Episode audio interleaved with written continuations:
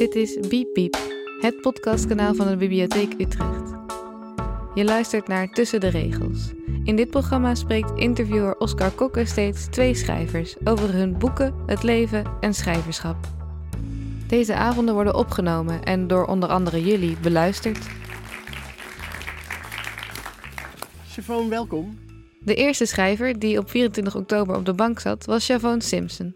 Haar debuutbundel Voor als je stuk bent verscheen deze zomer. Zullen we eerst gewoon even beginnen? Hoe, hoe is het met je? Goed, ja. Ik heb een eh, turbulente dag gehad eigenlijk. Fijn. Mag ik vragen wat er allemaal zo turbulent was? ja, er was iets eh, met mijn zus. Ze voelde zich niet zo goed. En eh, ik heb eh, bijna de hele dag voor haar gezorgd. Een soort van... Ze heeft geen covid trouwens. Het was mentaal, niet fysiek. Nou, dat is niet per se leuker. Nee. het is niet leuker, maar ik dacht straks denken mensen dat ik ze straks ga aansteken. Ja, en dan, en dan koopt er niemand meer een boek. Dat moeten we niet hebben natuurlijk. Nee, dat is niet zo. Nee, ze is, eh, ja, ze is gewoon even in een dip. Ik, ik eh, begin, misschien gek genoeg, interviews eigenlijk bijna nooit met een- zo'n persoonlijke vraag. Hoe gaat het met je? Meestal begin je meteen over iemands boek te praten. Ja. Maar bij jou dacht ik, eh, in de interviews die ik heb gelezen en gehoord, die, eh, die je gaf over dit boek, heb je eigenlijk nergens onder stoel of bank gescho- geschoven dat het heel erg autobiografisch is. En heel veel, heel veel schrijvers die, die doen daar soms een beetje mysterieus over. Maar jij geeft dat gewoon ogenblikkelijk prijs. Wa- Ja. wa- is- dat belangrijk om erbij te vertellen? Ehm, ik denk niet dat het voor andere mensen per se belangrijk is om erbij te vertellen, omdat je, ehm, als ik het persoonlijk maak, als ik iets lees, dan maakt het mij niet per se uit of het degene die het geschreven heeft is overkomen of niet, maar ik haal meer de les of ehm, de boodschap eruit. Mhm. En ik denk ook niet dat het per se uitmaakt of mensen weten dat, dat het over mij gaat of dat het over iemand anders gaat, want het gaat over iemand uiteindelijk. Ja. Maar als er naar gevraagd wordt, dan trek jij geen rookgordijn op. Dan mogen mensen gerust weten. Ja, Ja. ik denk wel gewoon dat het. eh, ik, ik schaam me er niet voor of zo. Dus voor mij is het niet, is het niet echt een dingetje om te zeggen dat, de- dat er bepaalde dingen in mijn leven gebeurd zijn of iets. Omdat ik vooral weet dat wat ik geschreven heb vanuit herkenbaarheid ehm, komt of zo. Niet vanuit herkenbaarheid komt, maar eerder ehm, dat het gewoon herkenbaar is voor veel mensen. En dat ik dat heel vaak terugkrijg van lezers ook Ja. dat het heel herkenbaar is. En omdat het zo herkenbaar is, voel ik me er ook niet raar over. Nee. Het is een, eh, een boek dat bestaat uit acht eh, hoofdstukken, acht thema's. Ja, En eh, die thema's, daar komen we achter via telkens zo'n soort woordzoeker. ja, Waar je zelf mag gaan puzzelen wat eigenlijk de titel is. En dan komen op titels hoofdstuk 1 depressie, daarna liefde, liefdesverdriet, eenzaamheid, onzekerheid, identiteit, helen en samen. Mhm. Zijn acht hoofdstukken en, en zeker dan die eerste vijf ehm, niet per se vrolijke kost. Nee, zeker niet. Hoe, hoe, hoe zou je zelf je bundel typeren? Ehm, ik typeer het meer als een soort van reis. En ik heb het expres laten beginnen in het zware, omdat het lichter is wanneer je klaar bent met lezen dan. Mhm. En dat is wat ik denk dat het leven ook is. Dat het soms zwaar is en dat het uiteindelijk weer lichter wordt. Het heet voor als je stuk bent. Wa- Ja. wan- Wanneer is iemand stuk? Ehm, ik denk dat je stuk bent als je even niet meer weet hoe je verder moet.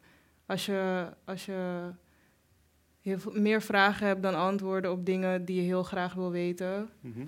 En als je gewoon de structuur in je leven kwijt bent. Ja. En wanneer raakte jij stuk? Eh, als er iemand overlijdt, als je relatie uitgaat, als het niet lukt op je studie of op je werk. Als je een droom had en wordt afgewezen. Zullen we ik wil heel graag vragen om, om twee teksten alvast voor te lezen? Oh, ma- mag ik dan dat boek? Zeker mag dat. Ehm, ik zou graag de tekst op pagina 10 Dood. en daarna de tekst op pagina 103 willen. Dat is ook de titel, het, eh, het titelstuk. Dus Ja. dood en voor als je stuk bent. Dank je. Het is best oké om zo nu en dan dood te willen. 's Ochtends wanneer de wekker net iets eerder over de finish gaat dan je moeheid. Wanneer je honger hebt, maar iets eet wat je niet lekker vindt. Als je te veel nadenkt over waarom het leven ook alweer zin had, dan fluister je heel zachtjes, zodat het net luid genoeg is om te kunnen denken, maar zo zacht dat de dood het niet hoort dat je dood wil zijn. En dat is best oké hoor, echt. Jullie mogen wel klappen hoor, want anders voelt het alsof, er niemand is die er naar luistert. Ehm, en voor als je stuk bent. Soms moet je stuk gaan zodat je weet waar je van gemaakt bent. Zie moeilijke tijden als een kans om in jezelf te kijken. Zie wat erin zit als je open gaat. Voor elke wond is een pleister. Leer wie je bent, ga, ga verder, verander, groei, ga stuk en alles weer opnieuw. Dan is dit de cirkel waarvan je zeker weet dat hij rond is.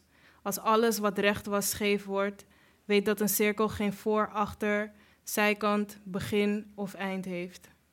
Yes. Dankjewel. Het is oké om dood te willen. Zo nu en dan. Niet permanent. Uh, als het permanent zo is, denk ik dat je uiteindelijk wel doodgaat. En um, ik heb die geschreven omdat ik het raar vond dat ik een periode heel veel nadacht over wat gebeurt er als ik dood ben of wat gebeurt er als ik dood ga. En um, ik heb het geschreven omdat ik dacht, omdat ik zelf ook in een state of mind zat waarin ik gewoon heel veel um, meegemaakt had in die periode. En ik dacht, hoe zou het zijn als ik er niet meer ben? En wil ik hier eigenlijk nog wel zijn?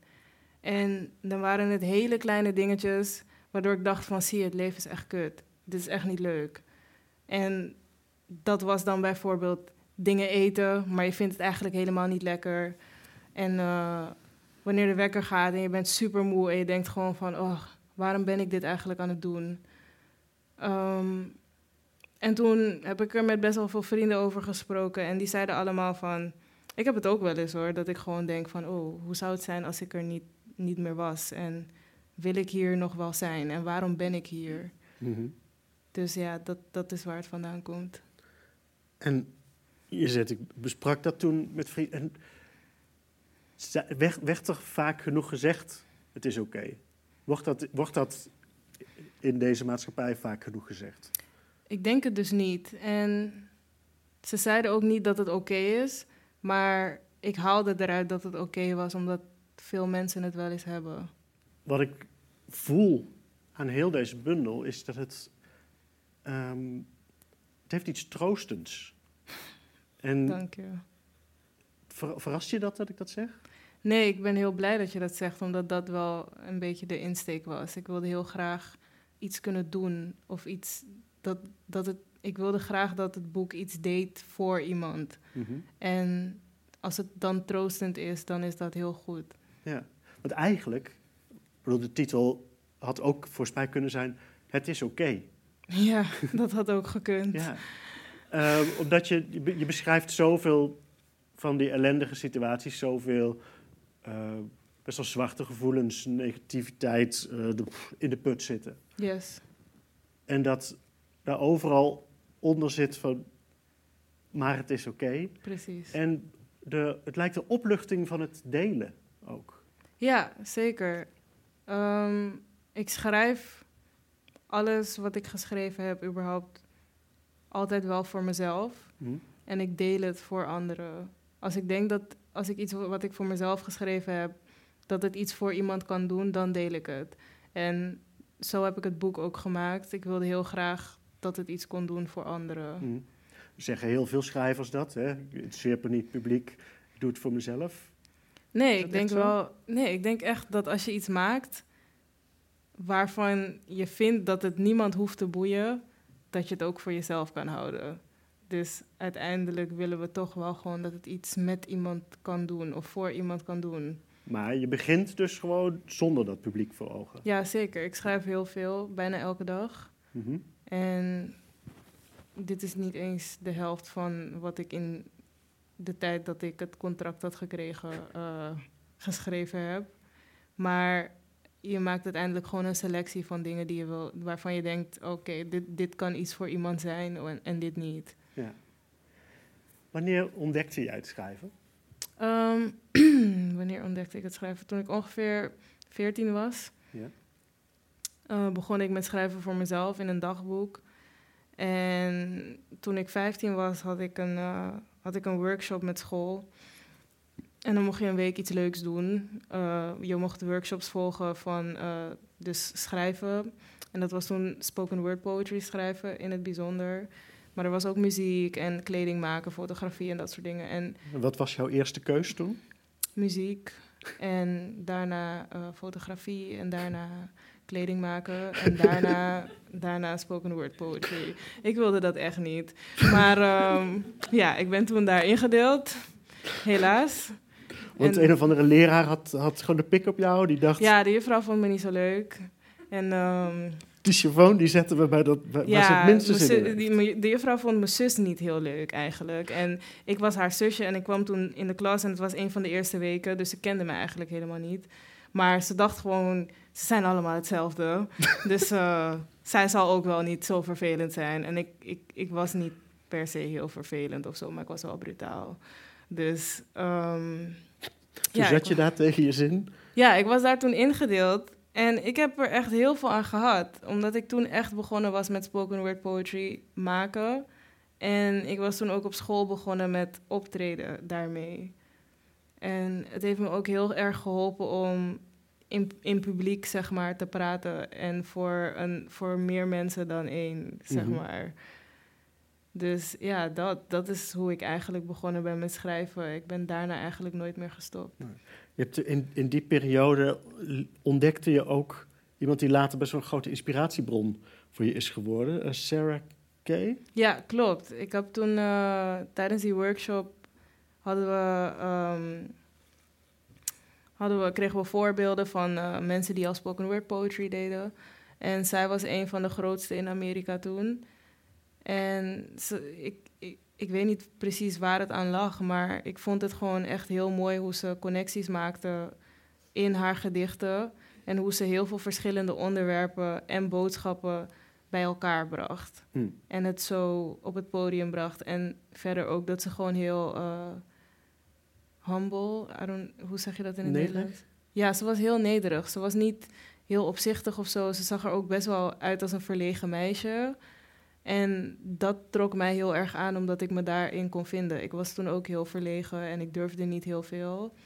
Dus ehm, ja, ik, ik, zij is echt altijd grote inspiratie geweest voor mij. En hoe verlegen ben je nu? Eh, het valt, valt echt mee. Het valt nu wel echt mee. Maar ik, ik word nog wel gewoon soms nerveus van praten met mensen die ik niet ken. no offense. Ze zit in het donker, ze zit in het donker. Ehm, je, je, in, het, in het titelgedicht eh, schrijf je... Soms moet je stuk gaan, zodat je weet waarvan je bent gemaakt. Yes. Waar, waar ben je van gemaakt?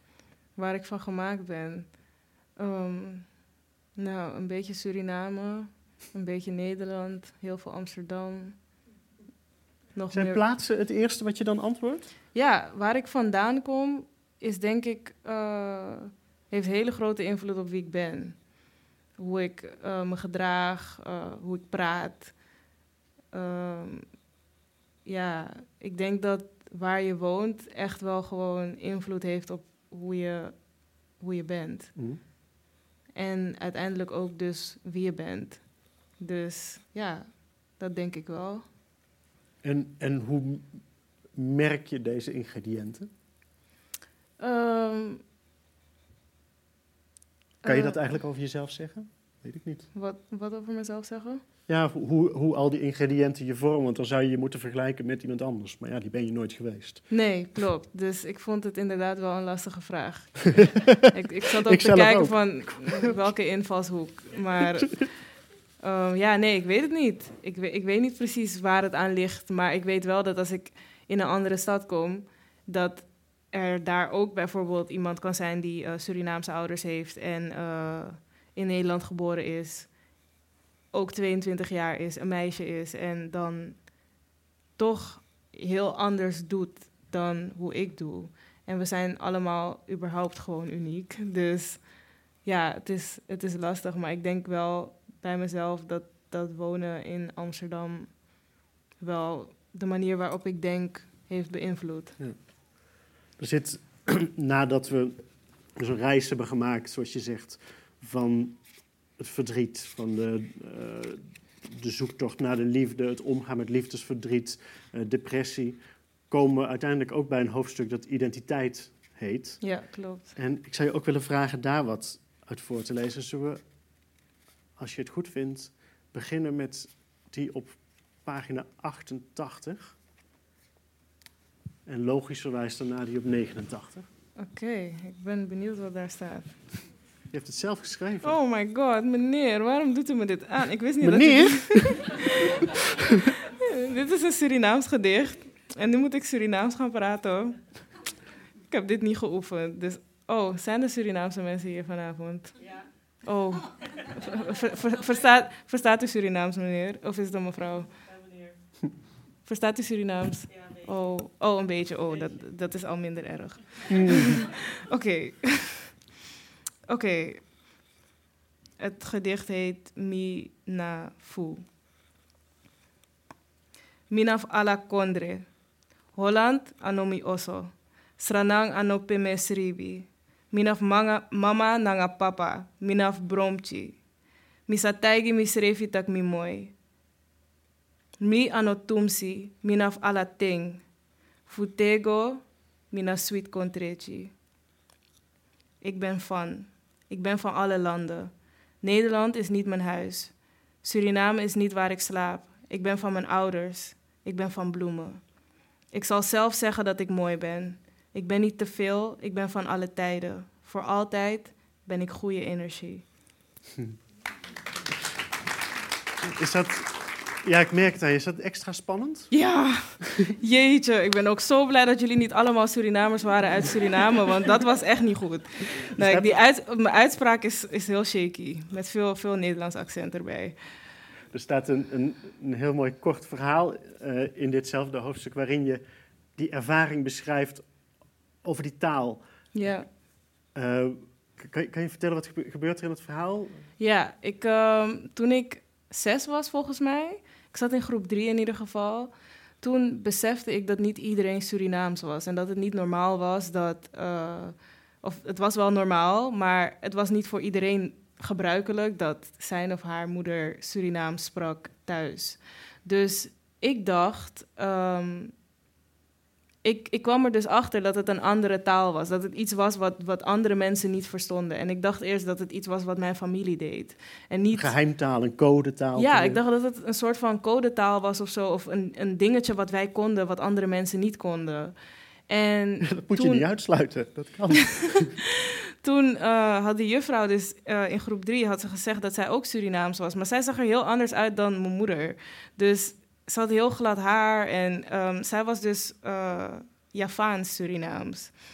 En wij zijn Creools Surinaams, dus wij zien er anders uit dan zij. En er zijn veel bevolkingsgroepen in Suriname waardoor er bijna, waardoor je van iedereen zou kunnen denken bijna dat ze Surinaams zijn. Um, en ik was toen dus, ik dacht van, ik moet, ik moet het gewoon weten. Is, is die juffrouw echt Surinaams of is het, is, is het hebben wij het bedacht of is het niet? Ik, ik wilde het gewoon weten. Ik moest het gewoon weten. Je vertrouwde je moeder niet genoeg. Nee, dus ik dacht van, ik, ik, ga, uh, ik ging nadenken en ik dacht van, oké, wat ga ik er vragen? Want um, ik moet wel iets, iets vragen waarvan ik denk dat ik weet wat het betekent. Dus toen zei ik van, uh, toen ben ik naar de juffrouw toe gegaan en zei ik tegen haar van, juffrouw, wat betekent tapie moffel? En toen één iemand te lachen. Ja, iemand, dat één, één iemand lag, ja, ja. En het betekent dus hou je mond. En mijn moeder zei dat heel vaak tegen me. Dus ik, ik, dat was wat ik onthouden had. En zij, zij wist het antwoord dus toen ook. En toen dacht ik van, oh, dus er zijn meer mensen Surinaams. Ja, dat... dat. Een hele openbaring. Ja, het was echt zo. En ik herinner het me ook nog heel goed, terwijl ik zes was. Ja. Een indrukwekkende ervaring, kan ik me best voorstellen. Ja, zeker. Je, je schrijft in, in datzelfde hoofdstuk, gaat, het, het, het, gaat over afkomst, het gaat over het plezier van in Suriname zijn. Ja. Daar tegelijkertijd ook niet zo goed raad weten, want ja, daar word je ook aangekeken van wat, wat komt die, die, die Nederlander weer doen.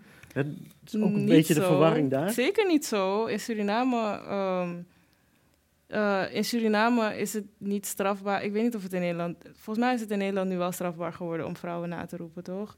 In Suriname is dat gebruikelijk Hmm. en dat doen ze altijd. Dus het is, je, je wordt wel gewoon geaccepteerd. Je wordt, het is niet alsof je niet geaccepteerd wordt. Maar ze zien gelijk aan je dat je niet uit Suriname Precies, komt. ja. En eh, je merkt het ook gewoon als je met familie bent die daar woont, dat je gewoon anders bent en dat je anders denkt en anders, eh, ja, andere humor hebt en dat soort dingen. En kost me altijd even om een soort van tot elkaar te komen en op dezelfde lijn te zitten met wat bespreek je met die en wat, wat dan weer niet. Ja.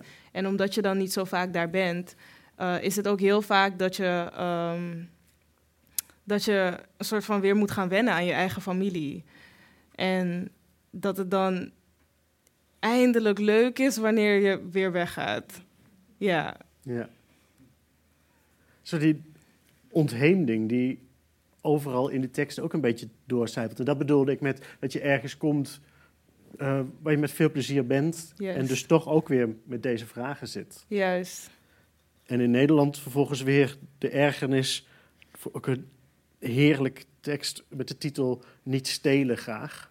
Wil, wil, je, wil je hem doen of vertellen wat, daar, wat je daarmee wilde Ja, ehm, ik vind het jammer dat Surinaams heel vaak gebruikt wordt in straattaal. Ik vind het mooi dat mensen eh, de taal leren, maar ik vind het jammer dat mensen niet weten dat het Surinaams is en dat ze het gewoon labelen als straattaal in plaats van een taal. Hmm. Want het is veel mooier om te zeggen dat je Surinaamse woorden kent en gebruikt, dan dat het in het nieuws en eh, in de media eh, en dat soort dingen gelabeld wordt als straattaal. Zijn vaak En daarmee naar beneden wordt gehaald. ja, een soort van wel. Eh, Ik vind dat, dat, dat elke taal gewoon geëerd moet worden en mag worden, omdat het zo belangrijk is om met elkaar te kunnen communiceren. Dus ik vind het jammer dat, ik noemde het dan stelen, dat een taal een soort van gestolen wordt en veranderd wordt en eigenlijk een soort van, eh, als ik in een soort van metafoor moet praten, eh, wordt in elkaar geslagen wordt en minder wordt. Alsof het, ja, en dat doet een soort van pijn. Ja. Mag ik mijn taal terug, Ja, zeg je dan ook. ja. Ik denk dan van, wij geven het aan jou en als je niet weet hoe je ermee om moet gaan, geef het dan maar terug. Hm. Ja. Je hebt het over, over het communiceren. En je zei volgens mij ergens in een interview... eh, ik hoop dat mijn teksten een opening kunnen zijn voor een gesprek. Juist. Merk je dat dat gebeurt? Ja, Ja, hoe dan? Ik, heb laatst een, eh, ik kreeg laatst een voicebericht van een nicht van me. En haar zus heeft, ehm, haar zus heeft geen nieren. Dus ze is heel vaak in het ziekenhuis eh, voor behandelingen en dialy- dialyse. En haar dokter heeft mijn boek voor haar gekocht. Terwijl ze niet wist dat ze familie van mij was. En haar dokter zei toen ehm, dat hij het gevoel had dat ze heel veel gedachtegangen had die ik ook heb. En dat, dat ze dat moest lezen. En daarna hebben ze erover gesproken. En met mijn teksten eigenlijk. En dat vind ik gewoon heel mooi om te horen. Ja, wat tof. Het, is, het, is, grappig dat dat... Ja, ik zei dat in het begin al, het, het, het, troost. Het, nu komen we erop, het, het biedt openingen. Herkenbaarheid hebben we besproken. Je, je, je weet dat openingen biedt voor gesprek. En het allermooiste vind ik wat er ook gebeurt... is dat het niet alleen anderen troost en anderen helpt... maar ergens ook vrij letterlijk jezelf lijkt te helpen. Juist, zeker. Zeker. Ik, ehm, schrijven is denk ik een van de kostbaarste dingen in mijn leven. Omdat het therapeutisch is voor mij. Als ik de weg kwijt ben en ik ga schrijven, dan lijkt het alsof ik een soort van structuur aanbreng in mijn gedachten. Alsof ik alles weer een soort van aan het opruimen ben.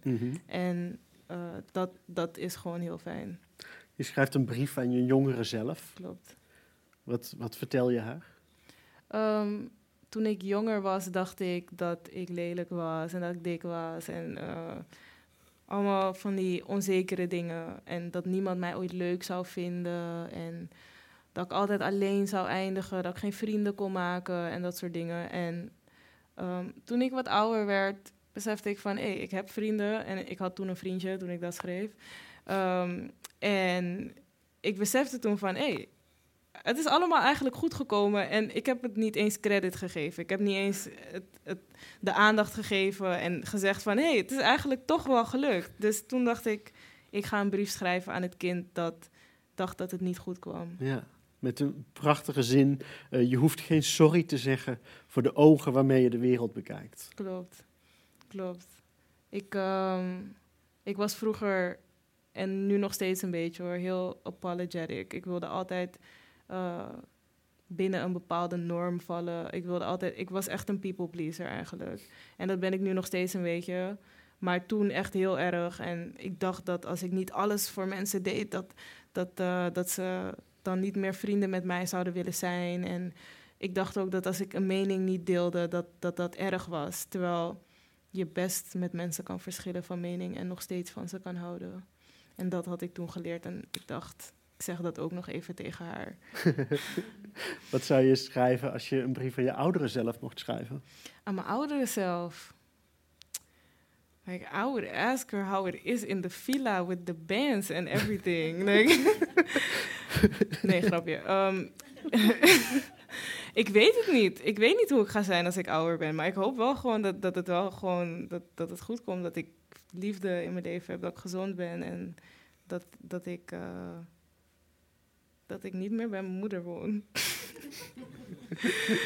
Heb je een tip voor haar, een advies? Iets wat, wat ik merk dat je in het lezen, of in het schrijven hiervan, ik, ik merk, je hebt jezelf helemaal binnenstebuiten gekeerd. Je hebt gezocht naar antwoorden op vragen, naar dingen om de moed erin te houden als het eventjes niet meezit. Uh, De troostende woorden, het is oké. Is er zo'n soort advies wat je hoopt aan die oudere Siobhan te kunnen meegeven? Um, ik denk dat het laatste gedicht dat het beste doet. En daarin vertel ik eigenlijk... Ik wil niet het hele boek spoilen, want als iemand het nog wil lezen, is dat niet leuk. Maar um, ik, vertel, ik vertel daar eigenlijk dat het oké is om niet alles te weten. En soms weet je dingen gewoon niet. En dan moet je gewoon doorgaan met je leven. En niet te lang blijven hameren en zitten op één vraag waarom gebeurt dit of waarom gebeurt dat. Soms gebeuren dingen gewoon. En soms, is het, soms moet je gewoon accepteren dat je niet altijd alles gaat weten. En waarom je leeft, we vragen het ons allemaal af. Waarom zijn we hier? Wat zijn we eigenlijk aan het doen? Wat gebeurt er als we doodgaan? We weten het eigenlijk niet. Iedereen heeft er een filosofie over. Maar uiteindelijk schiet je er niet heel veel mee op als je er somber van wordt. Dus het is oké om het om het nooit geweten te hebben als je er niet meer bent.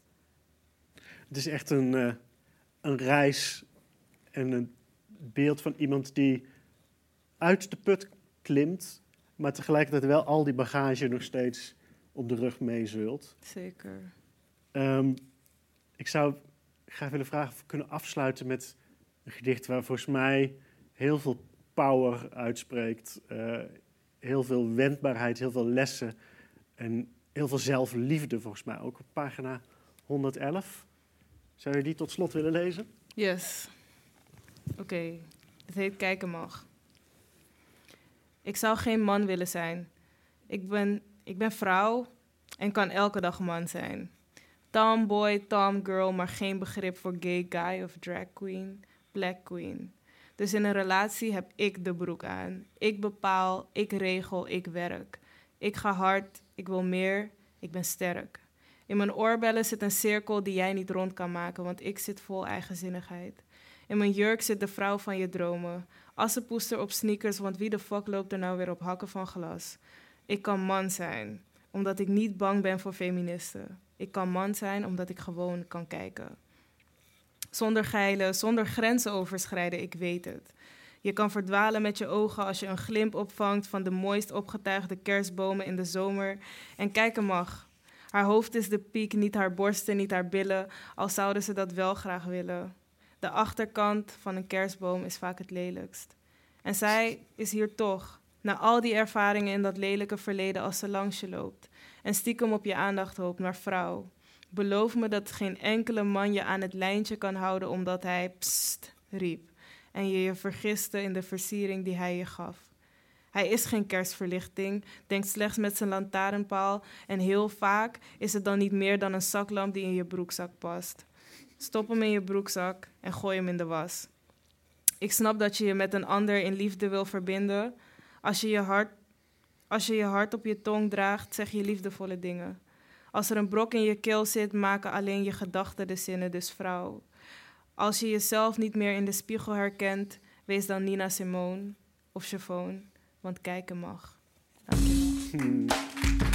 Je luisterde naar. Tussen de Regels met Oscar Kokke en de eerste gast die hij deze avond in oktober 2020 op zijn bank ontving, Chavone Simpson. In deze aflevering werd Oscar een meneer en mochten we allemaal mee op reis met Chavone. Een hobbelige rit, waar we uiteindelijk troostvol worden afgezwaaid. Het is oké om stuk te zijn. Voor als je stuk bent is te koop, Tussen de Regels is te bezoeken en te beluisteren bij de Bibliotheek Utrecht en de tweede gast op de bank deze avond was Sinan Chankaya. Vergeet niet deze aflevering ook nog terug te luisteren.